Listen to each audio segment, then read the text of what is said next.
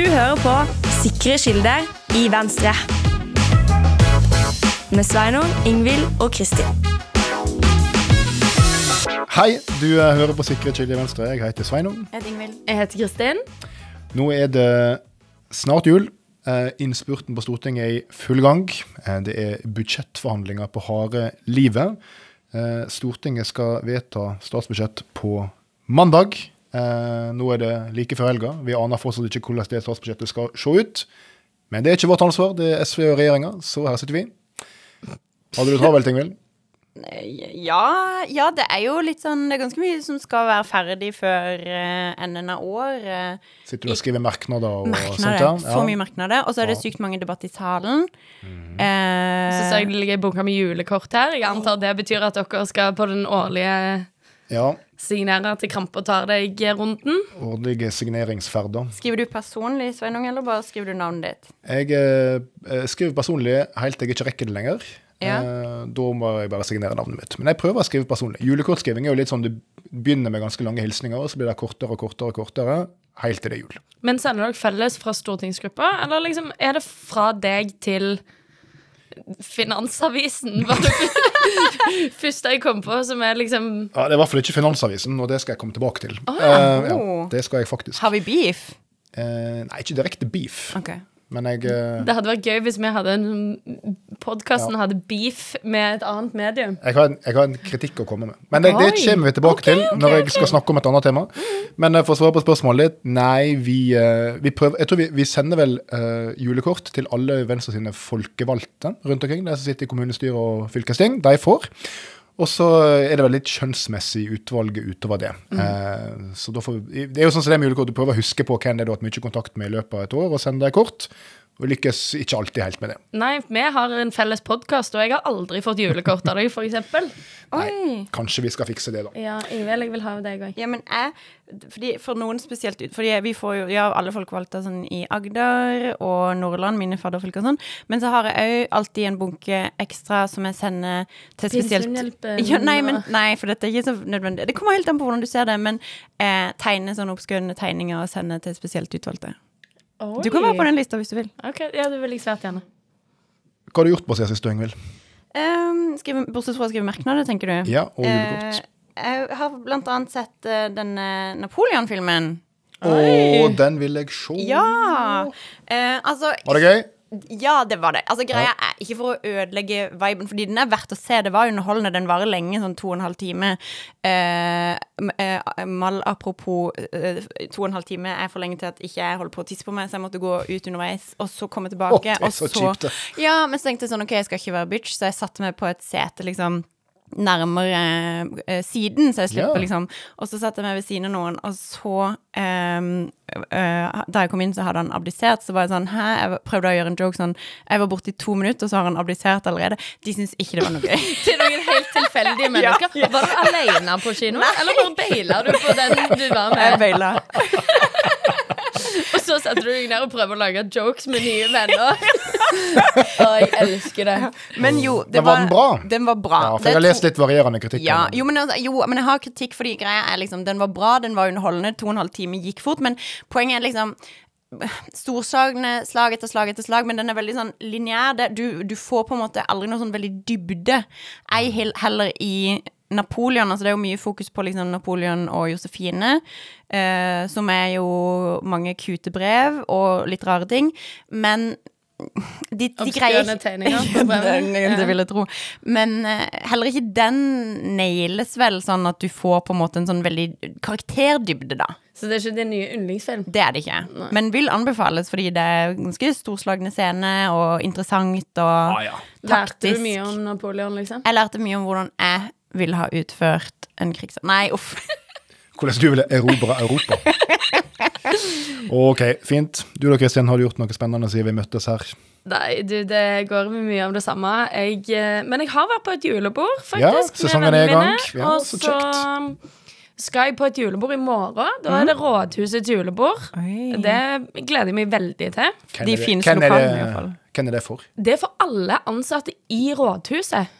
Det må jo være mange hundre mennesker. Eh, det og 400 mennesker, det. Ja, ja, ja. Så, og, og det er absolutt alt av eh, ansatte. Eh, så ja, det er en eh, fin forsamling. Vi har middagen nede i selve hallen Amazing. med så mange. Det er jo et eh, svært rom, og Norges vakreste rom, må jeg si. Ja. Um, og så er det jo middag oppe Nei, um, går vi opp for eh, festen oppe i f- eh, Festgalleriet, som det heter. Og så er det den tradisjonsrike polonesen. Å nei. Og polonese Eh, er kjekt. Som alle går. Ja. Og det, da har man en rute og går gjennom bystyresalen og full pakke. Den varer dritlenge. Ja, ja. Altså, det er helt sant. Hater polonese. Å, Å, fy faen, så kjedelig det er. Og så er det liksom tidenes party, og så er det nachspiel eh, hos byrådsavdeling for finans. Det er det alltid. Og nå er det jeg som er byrådsavdeling for finans, så nå er jeg endelig nachspiel-sjef. Jeg har eh, Jeg føler du er egna til rolla. eh, Vet du hva, det vil jeg også si. Men hva planlegger du da, liksom? Skal det være games? blir nok litt karaoke. Ja. Skal du kjøpe en sånn wienerpølse så folk kan ete utpå natta? Nei, Så ja. altså, det, det har jeg aldri Jeg er jo opptatt av å ivareta tradisjon. Vet du hvor mange pølser en gjennomsnittsnordmann eter i løpet av et år? Oh, er det Fireball Park? Eh, ja. 65. 65. Hva tror du, Ingvild? Eh, nummer én æsj. Nummer to Jeg vet ikke, jeg håper sånn ti. Ja, svaret er 100. Holy motherfuck! Hæ? Og jeg tipper jeg ligger på 200. Så dette her er Ligger du på Kødder du? 200 pølser? Ja, Det er jo ikke telt, men jeg tipper det. Hallo, kan du telle neste år? Nå er det snart nytt år. Ok. Alle teller hvor mange Greit, pølser. Ingen greit. spiser pølser. Meg og deg teller hvor mange pølser vi spiser neste år. Okay? Dritgøy. Men hva med deg, da? Hva har du gjort? Har du sett noen film? Uh, jeg har ikke sett Napoleon. Det har jeg lyst til å gjøre. Så eh, ja. Eh, så jeg har ikke gjort det. Jeg har ikke vært på kino. Men jeg, jeg har sett film uh, på hjemmebane. Eh, har kjørt en liten sånn Harry Potter-maraton. For det er så lenge siden jeg har sett Harry Potter-filmene, og det er jo kjekt gjensyn. Uh, nå, etter å ha sett film fem, er det vel, så sitter jeg igjen med ett spørsmål Ok. som jeg har reflektert over. Kun ett. Er magi ekte? Nei, men det er denne magiverdenen som de lever i. Um, Er det ikke England? Jo, det er England. Mitt spørsmål er er det egentlig et demokrati. Fordi jeg føler han der Cornelius Bløff med bowleratten som er sånn magiminister Men kan jeg bare spørre om en ting? Ser du de dubba filmene? Nei. Men jeg har lest bøkene på norsk, så jeg Ja. bruker det navnet. Ok. Altså, Han sitter jo der og er sånn magiminister i evigheten. Jeg hører aldri om at jeg har noe valg. Han bare sitter og sitter og sitter. Hører aldri om noe opposisjon. Nei? Så jeg lurer på, jeg tror kanskje ikke det her er et demokrati. Nei? Har vi hørt om valg, liksom, Nei, men- i Og, og det jeg tror heller ikke det er en rettsstat, fordi når Harry Potter da skal møte for domstolen fordi den har brukt eh, magi eh, utenom skolen eh, i starten av film fem, så er da dommerne er jo da utøvende makt, altså denne magiministeren pluss pluss, og han som tiltalt får ikke forklare seg engang. Så trollmannsverdenen, neppe et demokrati, i alle fall ikke en rettsstat. Ok, men jeg har mange spørsmål her. Nå kommer jeg til å avsløre at jeg ikke er noen sånn Harry Potter-fan. Det har aldri grepet meg. Jeg har ikke lest de bøkene. Syns egentlig at de filmene er litt sånn ja, du, du trenger ikke å se på meg med det skuffa blikket, Ingvild. Men OK. Eh, det er England, sant? Ja, den det- magiministeren sitter den liksom i den britiske regjeringen. Nei, han gjør ikke det. det også- jeg, jeg vet ikke om det har en egen regjering, men det har i hvert fall en egen minister som er sjef for trollmannsverdenen. Og han har en sånn Trollmannsverden, men er ikke det bare den der skolen de går på? Nei, det er også litt sånn, det er jo et, et, et departement, så det vil regulere alt mulig. Hvor er det ved siden av skolen? Nei, det, nei, du går inn i en sånn telefonboks i London sentrum som er egentlig en heis, og så senker han deg ned under bakken, og da kommer du til uh, magidepartementet. Men jeg, nå, nå, dette kan hende at jeg har funnet på, men jeg lurer på om i bøkene at jeg har, I en eller annen av bøkene så er det sånn at de har kontakt med de menneskelige politiske lederne. Ja, magiministeren har sånn under hånden kontakt med den menneskelige statsministeren, Ja. for av og til så må de avklare ting seg imellom, og dette er sånn det mest graderte informasjonen som finnes i den britiske regjeringa, at det finnes en trollmannsverden og en magiminister som statsministeren har kontakt med. Så han er liksom med i et slags underutvalg? Ja, på en måte. Et tomannsutvalg. Ja, Ja, det er veldig gøy. Uten noe demokratisk mandat, slik jeg eh, har vurdert filmene. Ja, men dette her kan uh, Nå holdt jeg på å si Kan ikke du sende brev til hun gale dama Til JK Rowling. og spør? Uh, ja. Det jeg tror du det har det er best på X eller Twitter. Jeg skal spørre henne på Twitter. Spør hun på Twitter. Hei, dette er ikke et transpersonspørsmål. Hvordan er dette samfunnet egentlig et demokratispørsmål? Så da trykker hun delete, delete, delete. Nei da, dette går bra. Fint. Eh, vi må snakke politikk. eh, og det er jo ei viktig uke å snakke politikk, fordi denne veka så begynner klimatoppmøtet i eh, Dubai. Fordi why? Ja, hvorfor er klimatoppmøtet i Dubai? Nei, det må jo være en plass, da. Ja, det skjønner jeg. Ja. Hvem er Men det som kunne, kunne man sett for seg å ha det for eksempel i et liberalt demokrati? Som ikke driver med Det kunne en sett for seg, og det skjer jo med jevne mellomrom. Det var f.eks. i eh, Trollmannsverdenen, altså i Storbritannia, for to år siden, i Glasgow. Men i fjor var det jo på Sharm el Sheikh. I fjor var det Sharm el Sheikh. Eh, nei, det er vel rett og slett at, at Ja. så, Som alle sånne FN-ting, så må det jo sirkulere litt da, eh, mellom ulike verdensdeler og, og sånt. Så det har litt med det å gjøre. Det kan ikke være i, eh, i Tyskland hvert år. Nei, så Derfor skal de liksom ha det i Emiratene. Altså, ha klimatoppmøte i Emiratene. Dette har jo Det vekka er, litt noe, det er noe ironi her et sted. Det er i hvert fall slik at han som da er leder for COP, eh, liksom den politikeren som er ansvarlig for å lede møtet og få det i land, han er også direktør i eh, Emiratene sitt nasjonale oljeselskap. Og det eh, OK, tenker en kanskje. La gå, det skal vel gå fint. Det må være lov, på en måte. Eh, men det som da kom fram denne veka, eh, etter gravende journalistikk fra BBC, er at de har klart å få innsyn i liksom talepunkter og dokumenter som eh, eh, myndighetene i Emiratene har brukt når de har hatt sånn forberedende møte med andre land. For det er en viktig jobb for deg som host av COP ha forberedende møte med andre land for å liksom legge til rette for hvor kan vi finne kompromiss, hvor kan vi lande avtaler her. Og i de talepunktene så inngår det at de prøver å selge olje- og gasskontrakter. På kopp! Ja, i forbindelse med COP.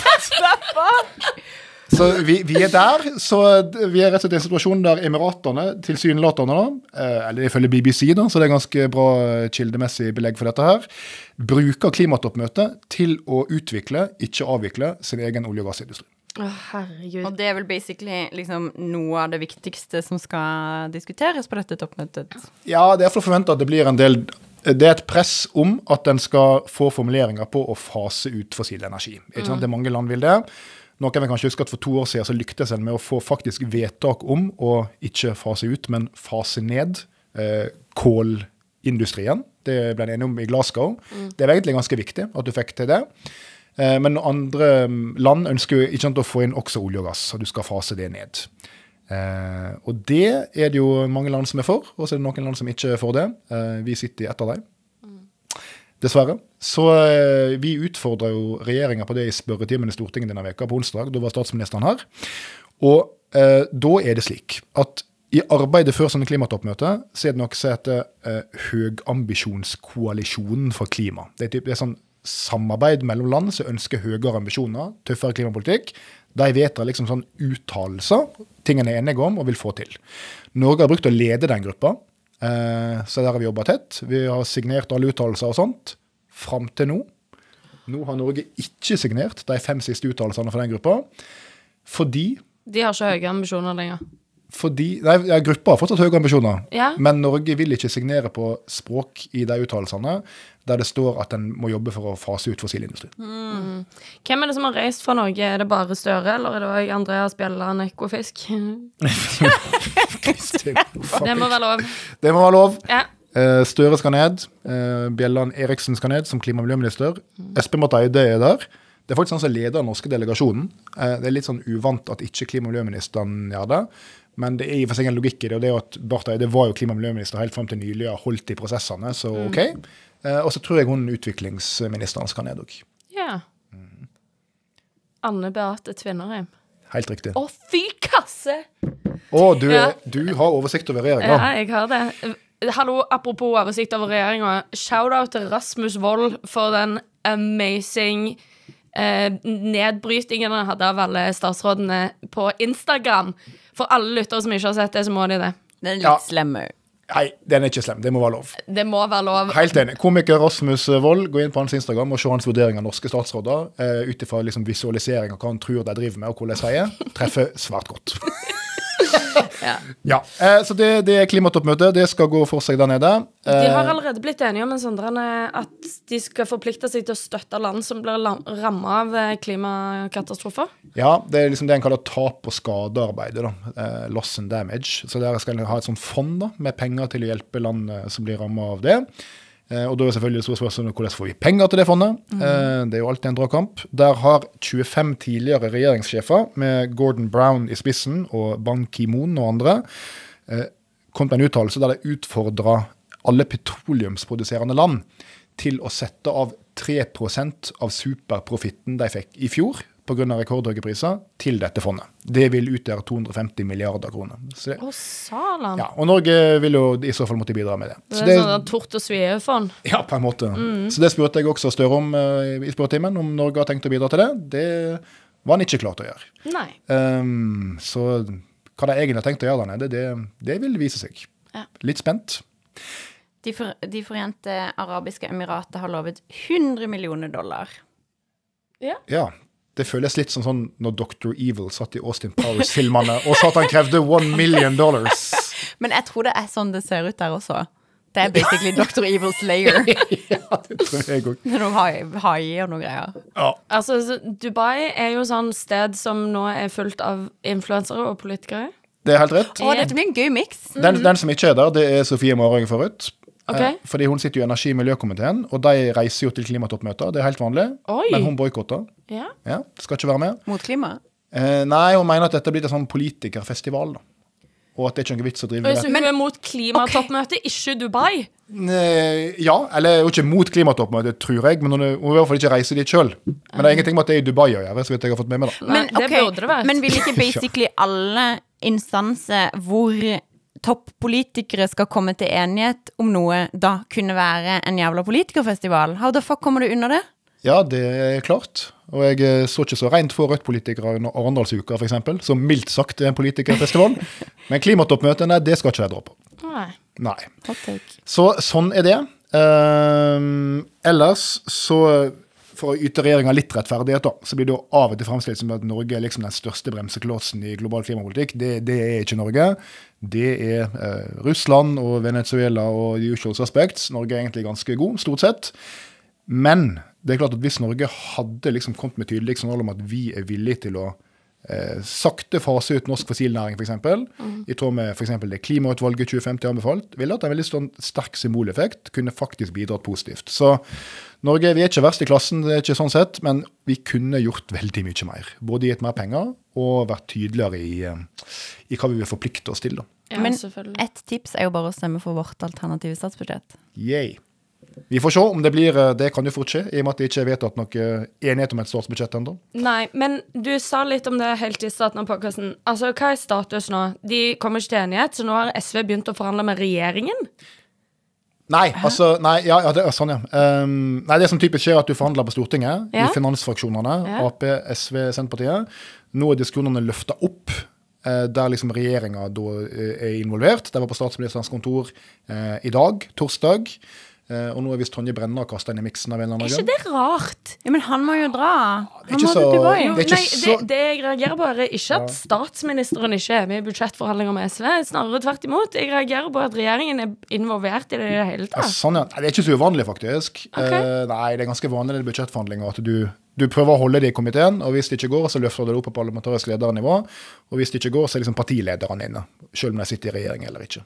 Ah, ja, så når Tonje Brenna er inne, så er det fordi hun er nestleder i Arbeiderpartiet, og ikke fordi hun er statsråd? Jeg antar det. Ah, ok, ja, Men da er jeg litt mer med. Ja, Men jeg, jeg kan forstå at det er litt rart. Ja. Men hva skjer? Nei, altså de sitter jo og forhandler og er ikke enige ennå. I hvert fall ikke når vi spiller inn i dag, torsdag eh, ettermiddag. Ehm, så vi får se. Det er veldig lite oppmerksomhet rundt dette. Jeg syns det er litt rart. Håper SV skaffer mer penger til Oslo. Ja. Ja. Er det noe spesielt du vil ha det til? Eh, ja, jeg kunne tenke meg mer penger til barnevern. Eh, så kunne jeg tenke meg eh, støtte til lavere kollektivpriser. Ja. Eh, så hvis SV kan få på plass de to tingene, så hadde det vært svært kjærkomment. Det får vi se. Vi får i hvert fall håpe at det er en god klima- og miljøprofil der. Ehm, og apropos klima og miljø. I dag, denne veka så har jeg vært på et veldig spennende møte om kjernekraft. OK? Og det vil jeg snakke litt om. Men først vil jeg høre eh, ryggmargsrefleksen deres. Eh, Kristin, kjernekraft, yay or nay? Jeg er jo veldig for kjernekraft. Du er veldig for kjernekraft. Ingvild, da? Jeg har ingen eh, motforestillinger eh, utover at jeg ikke helt kan se hvordan det skulle være lønnsomt i. Norge.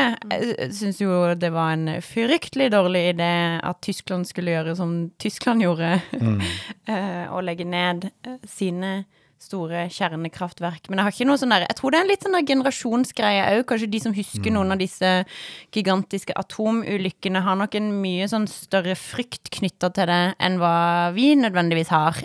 Altså jeg tenker jo teknologien har kommet såpass langt at uh, dette skal man kunne finne gode løsninger på. Jeg tror i hvert fall det er et godt bilde på dette generasjonsgreiene at eh, jeg var på et møte om kjernekraft eh, tidlig denne veka. Eh, det var oppe hos NHO på Næringslivets hus på Majorstua. Eh, hvis det var et møte der om kjernekraft for 30 år siden, så hadde det nok vært fullt av demonstranter utafor som demonstrerte mot kjernekraft. Eh, når jeg var der nå, så var det fullt av demonstranter utafor som demonstrerte for kjernekraft. For da var det de som heter Klimavenner for kjernekraft, eh, som eh, ja, er er en mannstung forsamling, får vi si. Mye ingeniørringer fra NTNU. Ca. 117 stykk. Eh, nei Å, nå er du god. Ja. Uh, nei, det var ikke så mange. Men det var en 20 stykker som sto der med skilt uh, og delte ut flyers. Så det sier, det sier jo egentlig litt. Det var et interessant sånn tidsbilde. Ja. Men grunnen til at jeg demonstrerte, det var at de hadde jo fått en hunch om hva som kom til å bli konklusjonen fra dette møtet. Fordi det som var skjedd, det var at NHO sammen med Norsk Industri og Fornybar Norge de hadde bestilt en rapport fra Rystad Energy, som er et svært energianalysebyrå som er norsk, men som egentlig er blitt ganske globale. eh, Svært selskap som leverer rapporter til næringslivet og andre om, eh, om energi. Da. Så de har skrevet en stor rapport om kjernekraften sine muligheter i Norge. Um, og det som disse klimavennene for kjernekraft da hadde fått nyss i på forkant, det var at konklusjonen var ikke så positiv. Det var det som var greia.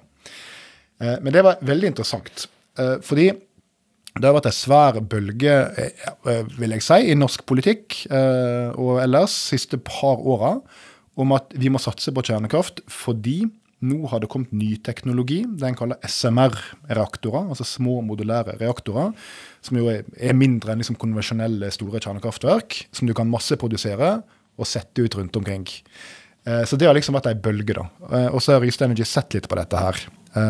Og det som er ganske interessant med deres konklusjoner, er jo at eh, punkt én, eh, det har nesten ikke blitt bygd kjernekraft i Vesten eh, siden 70-tallet.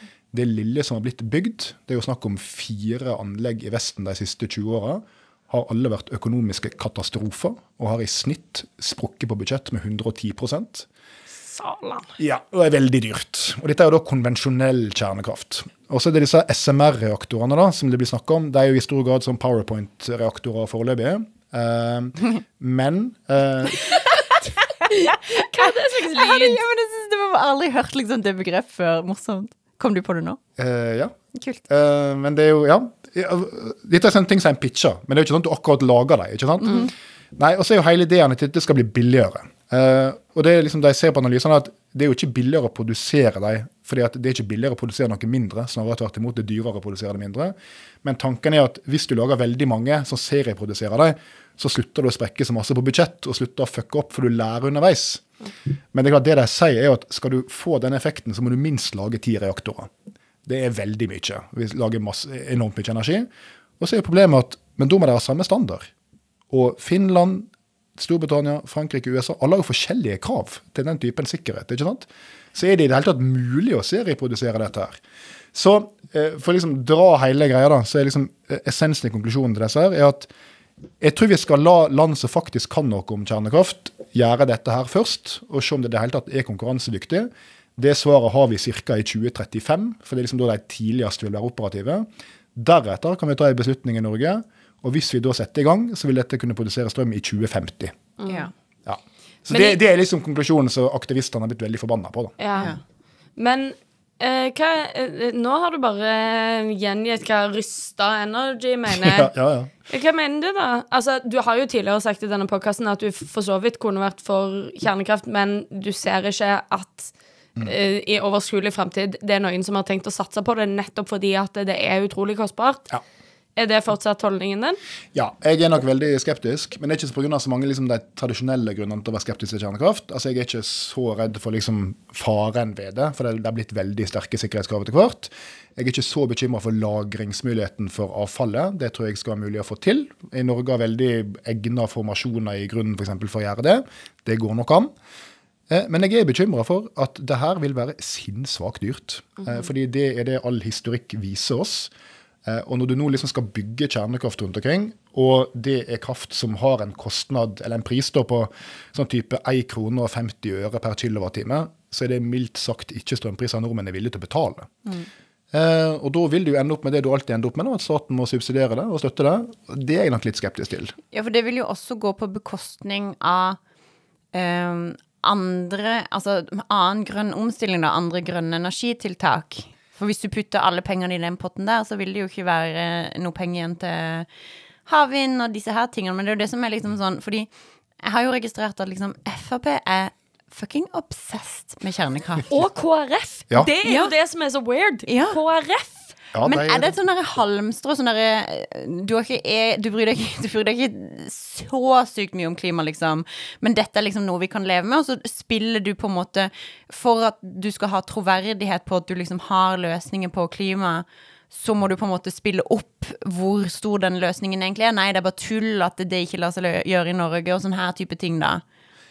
Ja, det, jeg tror at uh, for en del så er det blitt en sånn behendig løsning å gripe til. ikke sant? Fordi at vi, vi er jo veldig sånn biased og har sånn ønsketenkning. De fleste er jo utsatt for det. Og det er liksom, Når du ser alle problemer med vindkraft og natur og lokale folkebevegelser, og du ser problemer med vannkraft for så vidt, og du erkjenner at vi kan ikke bygge forurensende gasskraftverk i Norge, så det er veldig lett å tenke men hva hvis vi bare har et bitte lite atomkraftverk som ikke tar noe plass, og som gir ren energi, og som bare er å sette i gang? Det er klart du ønsker så inderlig at det skal funke. Ehm, så det tror jeg gjelder for en del, at du, bare, du er overoptimistisk. Ehm, litt sånn sier for seg Mange var overoptimistiske på vegne av vindkraft for 15 år siden. At dette er null problem, det er bare å få det ut. Det vil aldri være kontroversielt. Well, well, well, nå er vi her. Og så tror jeg for noen så er det blitt en sånn måte å late som de er opptatt av klima og energi på. Eh, Det er lov å si Fremskrittspartiet. ja, det er lov. Det lå, det lå i kortene. ja da, da gjør vi det. Ehm, rett og slett. At det liksom, da er det sånn Se, vi har et alternativ. Ja. Ja. Det Jeg, er bare ikke jeg tror det er greia, da. Og så innser du ikke at det her er det, Å bygge opp liksom kompetanse på kjernekraft er helt sinnssvakt krevende. Du må ha eh, en svær verdikjede. Du må ha masse folk som har doktorgrad i dette her for å kunne jobbe med det. Og de må kunne sikkerhetsklareres. Så det betyr at de for alle praktiske formål må være norske statsborgere. Og det der kan ikke du begynne med dagen før du skal bygge det. Dette er jo et løp som tar 20 år. Så de landene som kan noe om kjernekraft, er jo land som hadde en vanvittig satsing på 50-, 60- og 70-tallet. Det hang som regel sammen med også å produsere atomvåpen. Altså Dette er jo verdikjeder som eh, eh, ja, eh, henger sammen, for å si det sånn, når det gjelder utdanningsbehov og sånt. Så, så det er klart Norge kan gjøre det, men det vil jo kreve en vanvittig nasjonal innsats i hele leddet, med, liksom med lagring og utdanningssystem og regulering og subsidier sannsynligvis, og ditt og datt, for å oppnå en strømpris som nordmenn neppe er villige til å betale. Så, så, i, så det er min skepsis til Ja. dette. Kan vi oppsummere det som uh, følgende sitat In, If ifs and buts were candy and nuts, we'd all have a merry Christmas. Ja. Det tok litt tid. Det var du basically nå han fyren ved siden av meg på kinoen. Ja. Vi var, vi var begge det. Vi, vi var begge det. Uff. Nei, så um, Ja, det, det er en grunn til at dette kjernekraftmiljøet, som er veldig entusiastiske, for å si det sånn, ikke har likt dette her. Men nå er det siste jeg skal si om kjernekraft. Da er min beef med Finansavisen. Ja! Nå Beef. kommer beefen! Ja, for, for de er jo entusias entusiastiske for det her, selvfølgelig. Um, Av samme grunner som Frp? ja, jeg tror det. Ja. uh, så, så da har jo liksom Finansavisen laga en svær sak, der de da har fått eh, Og saken er rett og slett følgende. Eh, ChatGPT er uenig med konklusjonen i Rystad-rapporten. Holy motherfuck. Chat. ChatGPT er uenig med konklusjonen. OK. Hva tror dere det betyr? Hva, mener du med hva tror jeg det betyr? Det har de betyr lagt inn det. hele Hva tror du er saken, liksom? De har lagt inn hele den rapporten i ChatGPT, og så har de Og så fått han til å faktasjekke den, liksom? Det er lagt inn Nei, det er faktisk ikke de som har gjort det. Det er en som heter Jonny Hesthammer, som er daglig leder i Norsk Kjernekraft AS. Som er selvfølgelig er en helt uavhengig person i denne sammenhengen. Han har da ChatGPT pluss-abonnement, kan han fortelle i Finansavisen. Jeg vet ikke helt hva det innebærer, men han har i hvert fall det. Og så har han lagt inn rapporten der, og bedt liksom ChatGPT konkludere med rapporten. Da. Altså hva, hva er konklusjonen du kan dra fra dette. Og da har jo ChatGPT konkludert med noe sånn herre eh, Kjernekraft har både muligheter og utfordringer. Eh, det vil kreve store investeringer, men kan potensielt gi store gevinst. En sånn der klassisk chat-GPT-tullekonklusjon, ikke sant? Og da har jo Finansavisen slått stort opp at uh, liksom Rystad har konkludert feil. For det er chat-GPT, så det, dette er liksom fake news, da, ikke sant? Så, der, så konklusjonen var bestilt for oppdragsgiveren og henger ikke sammen med fakta i rapporten. Men eh, eh, eh, på NRK-nyhetene i dag morges, fordi jeg tror det er noe sånn som Det er ettårsdagen til ChatGPT i dag. Det er det Ja, faktisk. og da var det inne en ekspert, og så hadde leserne kunne sendt inn masse spørsmål. Alle må høre på morgennyhetene til NRK, åpenbart. Eh, og da ble han spurt sånn Kan du, kan du liksom sjekke kan du liksom pro, eh, Hva faen heter det? Ta- liksom en sjekk på liksom riktigheten av det som kommer fra ChatGPT. Jeg sier nei, men det finnes jo eh, andre lignende modeller som har liksom dette, altså at du kan faktisk fact-sjekke. Og så det sånn, men how the fuck, hvor, hvorfor bruker dere ikke en av de, da, i det minste? Fordi han sier liksom det er et dødt system. Du får ikke liksom Du får ikke fact-sjekka det. Nei, jeg vet ikke. Altså, Men bruker dere det der chat-GPT noe Som du skjønner ut fra det nettopp sa nei. Ja. For jeg prøvde å bruke ChatGPT for å hjelpe meg å finne på en sånn slagord til eh, Oslo Venstres valgkamp. ja. Eh, og da putta jeg inn sånn Hei, kan du hjelpe meg å lage slagord til Oslo Venstres valgkamp? Og så prøvde han først å hente ting fra Oslo Venstres nettsider. Eh, men da, da ble det mye sånn ymse. Og så var jeg sånn OK, noe med liberalt og grønt. Og da var det sånn Grønt og liberalt, stem Venstre. Det er sånn ja, anstrenge deg litt mer? Og så var det sånn Ja, eh, grønn vind med Venstre. Og bare Nei, det eh, Ja, det var ikke nyttig. Ja, jeg tror jeg skal slutte å bruke chat-GPT til å liksom gi anbefalinger og konklusjoner om ting. Dette er et tekstprogram. Det er bare tull. Så Finansavisen må skamme seg. Det er det dummeste jeg har lest i hele mitt liv. Og nå har du. Vet du hva, så du, du hadde egentlig ikke beef med Finansavisen, men nå starter du en Ja. med å Ja, I'll take you on anywhere, anytime. Det der er helt absurd journalistikk. Men jeg har en eh, sånn ting til med kritikk av journalistikk. Okay. Og det handler også om klimapolitikk, eh, og det er NRK. Eh, fikk dere med dere den saken NRK hadde denne veka eh, om at eh, nettsidene til Natur og Ungdom eh, er mer klimafiendtlige enn nettsidene til Equinor? Den fikk jeg med meg. Ja. Last hun. Eh, Overhodet ikke. altså, jeg tenkte bare Her er det noen som har forsøkt seg på et eller annet merkelig innsalg. Gotcha-journalistikk. Ja, Det der er det dummeste jeg har lest i hele mitt liv etter den Finansavisen-saken denne uka. Fordi det de har gjort da, det, det er en eller annen fyr som har laga en nettside som er sånn Her kan du legge inn en URL, altså en nettsideadresse, eh, og så kan du se hvor klimavennlig eller klimafiendtlig den nettsida er. Og det det handler om, så vidt jeg har skjønt, da, er jo i stor grad i hva land ligger serverne Serverne. benytter, og hvordan er energimiksen i det landet. ikke sant? Og da er det selvfølgelig slik at Hvis serveren ligger i et land som har 100% fornybar energi, så er det mer klimavennlig enn hvis det ligger i et land som bare er kålkraft. Ja, så Da har de gjort det da med Natur og Ungdom sine sider og Equinor sine sider. Og det viser seg at Equinor sine sider er mer klimavennlige enn Natur og Ungdom sine sider.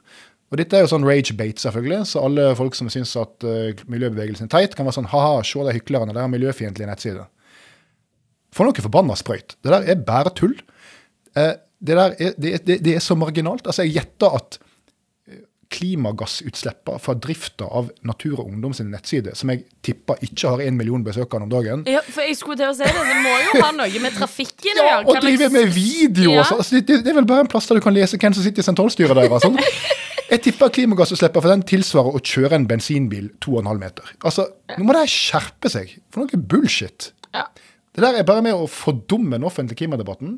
Men det er jo å ta sånn der logikk rundt indirekte klimagassutslipp til sitt mest absurde. For jeg, jeg syns generelt en fokuserer for masse på det. ikke sant? Altså hvor, hvor stort klimagassavtrykk har denne skoen og denne jakka og denne nettsida? Fordi de er produsert med innsatsfaktorer i sånn og sånn og sånn land. Altså, det der er sånn never-ending eh, greie som du aldri kommer i mål med. Du må kutte utslipp i hvert enkelt land og måle hvert enkelt land. Og ikke sitte og liksom indirekte styre energimiksen den provinsen Indonesia. Altså, Men, det der funker men ikke. Sveinung, Norge har ikke en egen atmosfære. Har du ikke? Nei, det, Det er, det er min favorittfrase å dra når jeg gjør min Sylvi Listhaug-parodi. Den kan jeg dra på podkastens julebord hvis dere vil. Ja, veldig gjerne. Jeg har Sylvi Listhaug, Haja Tajik og Iselin Nybø, men når jeg skal være Iselin Nybø, trenger jeg poncho. Så ja. Norge er ikke sin egen atmosfære. Nei. Og visste du det at hvis det ikke var for CO2, så hadde det ikke vært noe liv på jorda. Ja, Den livgivende gassen CO2, tenker du på? Det er det Carl I. Hagen bruker å kalle den. Ja. Det er sant. Og nå må folk slutte å fordumme offentlig ordskifte, enten det er Finansavisen, NRK eller Carl I. Hagen. Men jeg føler Apropos- NRK går på en del smeller for tida. Altså. Ja, det må si det. Nei, jeg skulle bare si Jeg skal klage deg inn til Kringkastingsrådet. Men dette er en spalte jeg vil høre mer av, Sveinung. Sveinung rage mot ja. media. Rage mot ragebate. Jeg støtter det. Ja, Fersk mediekritikkspalte. Ja, kanskje. Kanskje det kan være en ting for 2024? Kanskje. Kanskje. Altså, Vi har jo nesten slutta med den andre spalten, selv om vi snakker mye om at regjeringen er totalt ubrukelig. Ja, men det har- gått litt mer i skjul, føler jeg. Det det er ikke på så masse. Det er liksom dukka litt ned. Det er ikke noe retning der. Nå. Nå. Men den er retning på, det er Venstre. Vi får avslutte med det, da. Ja! Ny meningsmåling. Fy faen. 7,2. Det er 7,2! Det er deilig. Det er jævlig bra. Åh. Ja. Da har vi et snitt i november på godt over 6% Og vet dere hva som eh, det også betyr? 15% i Oslo. Ja. 15. Sykt bra. Det er nesten for mye av det gode. Kristian. Det er ikke for mye av det gode i det hele tatt. Altså, nå er det bare å legge ned de andre partiene. Det er en ny sheriff i byen. Altså, På den målinga har altså Venstre en partilojalitet, eh, altså de som har stemt på sist, som sier de skal ha det igjen, på 70% Altså, Det er helt skyhøyt for å være oss. Jeg har aldri vært med i Venstre der lojaliteten vår liksom har vært over 50 Den har brukt å være på sånn 30 Altså, Venstres velgere de blir stadig mer lojale. Men eh, jeg syns jo det er viktig å få med Altså, Alltinget har jo en veldig Det er vel de som gjorde målingen også? Ja, også? Allting gjorde målingen. Eh, veldig sånn god forklaring av dette òg. Altså dette med velgerlojalitet. For det kan jo virke som at det er bare sånn Og eh, folk skjønner at det er en dårlig idé, eller et eller annet, derfor bare rømmer de fra. Men det er jo ikke det. Det er fordi vi har så unge velgere. Og statistisk sett så har de lavere lojalitet til sine partier enn uh, voksenmennesker. Ja, det er sant. Og så har utfordringa vår vært at eh, vi har så unge velgere, ikke sant? og så stemmer de på oss, og så bare stemmer de på noen andre neste gang. Så det har jo egentlig alltid vært sånn at hvis vi klarer å få dem til å holde seg hos oss, så vil vi vokse veldig, fordi vi er ganske flinke å få nye velgere. Så kanskje endelig den eh, effekten begynte å slå inn. Men jeg synes jo Kanskje. også på en måte så tar jeg det som en ganske stor kompliment at eh, For å prøve å se på glasset litt sånn halvfullt her, eh, at vi har litt sånn lav lojalitet fordi at veldig mange går jo til vet ikke. Sant? Ja da. Eh, og det er jo bare fordi at velgerne våre de er kresne. De stemmer ikke på oss bare fordi at de ble på en måte født inn i en venstrefamilie. Og sånn. De tviler seg fram, og de trenger å overbevises. Og når vi lykkes med det, da er vi gode. Ja. Det er også en måte å se det på. Klapp på skuldra til oss sjøl. Tenke seg til. Nei, nå blir vi sondrende. Vi får jo av og til kritikk av, av lytterne våre for det. Ja, vi er at vi er for Ja, sånn, ja. At det blir for venstre best. Ja, men Ja. det, det er det ikke er så ofte vi får så god Si Vi får lov å glåte glote litt, liksom. Det er sant. Nei da. Verdens beste parti. Vi er ikke feil. Du trenger ikke ChatGPT. Ja, nei. Ikke hør på oss, ikke hør på oss. Eh, men du har hørt på oss. Du har hørt på Sikre kilde i Venstre. Vi høres igjen. Ha det bra. Ha det.